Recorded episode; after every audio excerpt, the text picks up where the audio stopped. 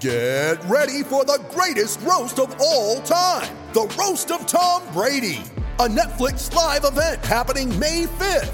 Hosted by Kevin Hart, the seven time world champion gets his cleats held to the fire by famous friends and frenemies on an unforgettable night where everything is fair game. Tune in on May 5th at 5 p.m. Pacific time for the Roast of Tom Brady, live only on Netflix. You ready? Showtime. On May 3rd, summer starts with The Fall Guy. Let's do it later. Let's drink a spicy margarita. Make some bad decisions. Yes. Audiences are falling in love with the most entertaining film of the year. Fall guy. Fall Guy. Fall guy. That's what the poster said. See Ryan Gosling and Emily Blunt in the movie critics say exists to make you happy. Trying to make it out? Nope. Because I don't either. It's not what I'm into right now. What are you into? Talking. Yeah. The Fall Guy. Only in theaters May 3rd. Rated PG-13. De stroom. Ready.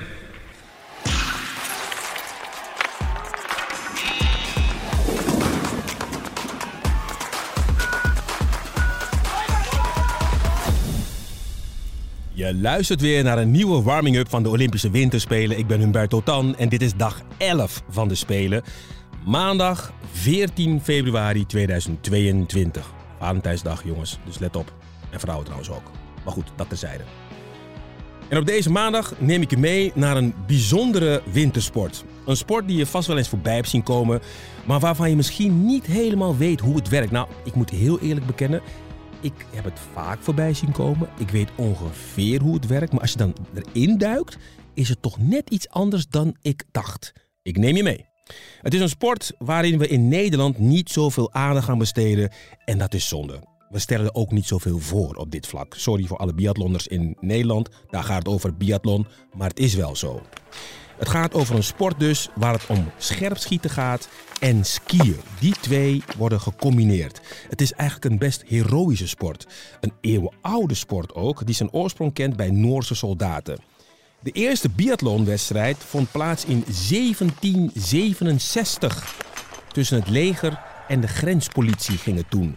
En deze sport, dat wil ik echt even benadrukken, is geweldig. Ik vind dat Nederland meer naar biathlon moet kijken. En ik ga het net iets anders doen in deze podcast, want ik ga vooral uitleggen hoe deze sport werkt. En dat is echt een mooi verhaal.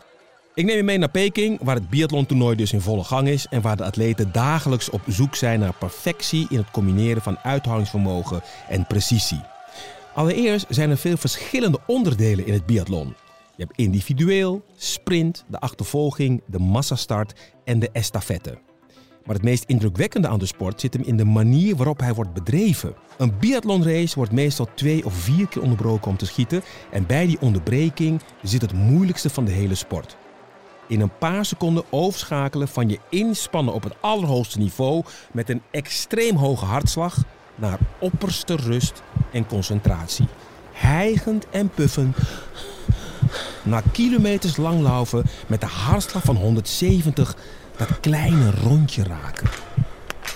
En dan moet je ook nog maar hopen dat het niet te hard sneeuwt of waait, zodat je zicht enigszins oké is.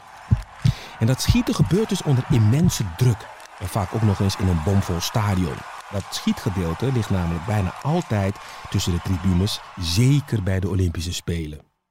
En dat schieten doe je niet alleen omdat het mooi en spectaculair is. Nee, en hier komt, naar mijn mening, het leukste onderdeel van het biathlon. Mis je een schietschijf, dan moet je een strafrondje lopen. Een strafrondje van 150 meter. Dat maakt de wedstrijden zo onvoorspelbaar. Het gebeurt geregeld dat de leider in de wedstrijd door één gemist schot ineens ergens achteraan in het peloton kan aansluiten. En de gouden plak, waarvan je helemaal zeker leek te zijn, kan zo met één gemist schot ineens een tiende plek of een nog lagere plek opleveren. Je kan gewoon ineens middenmoot zijn. En dan nog even naar de toppers in de sport. Als je naar de Olympische geschiedenis kijkt van het biathlon, dan zie je dat de top wordt gedomineerd door de grootmachten die je vaker terugziet in de top van de klassieke Olympische Winterspelen. Duitsland en Noorwegen, verreweg de beste. De Noor Ole Einar Björndalen is de absolute koning van het biathlon. Hij won in zijn eentje 13 medailles in de sport. Sajan detail? Hij won zijn laatste twee Olympische medailles, twee keer goud, toen hij 40 jaar oud was. Dat deed hij op de Spelen van 2014 in Sochi. Er forbi. Voor Nederland zijn biathlonmedailles helaas een stuk verder weg. En die zitten ook niet echt aan te komen. Het gegeven is dat we in Nederland maar één biathlonbaan hebben in de buurt van Rotterdam, in Bergse Hoek. Nou, en dat helpt natuurlijk ook niet mee. Al is dat ook geen voorwaarde om succesvol te zijn, want denk nog even aan Nicolien Sauerbrei. We hebben geen bergen en toch goud bij het snowboarden. Dus, mocht je geroepen voelen om een biatleet te worden, ga je gang. Laten we het biathlon aanmoedigen en laten we kijken of we Team NL zover kunnen krijgen dat er een biatleet ooit wordt afgevaardigd naar de Olympische Winterspelen. Wie weet, wie weet, misschien wel in Milaan in 2026 al. Maar het is niet makkelijk, want denk aan een van de grootste sportnaties überhaupt. Dat is Amerika. Amerika, zowel de zomerspelen als de winterspelen, is een grootmacht.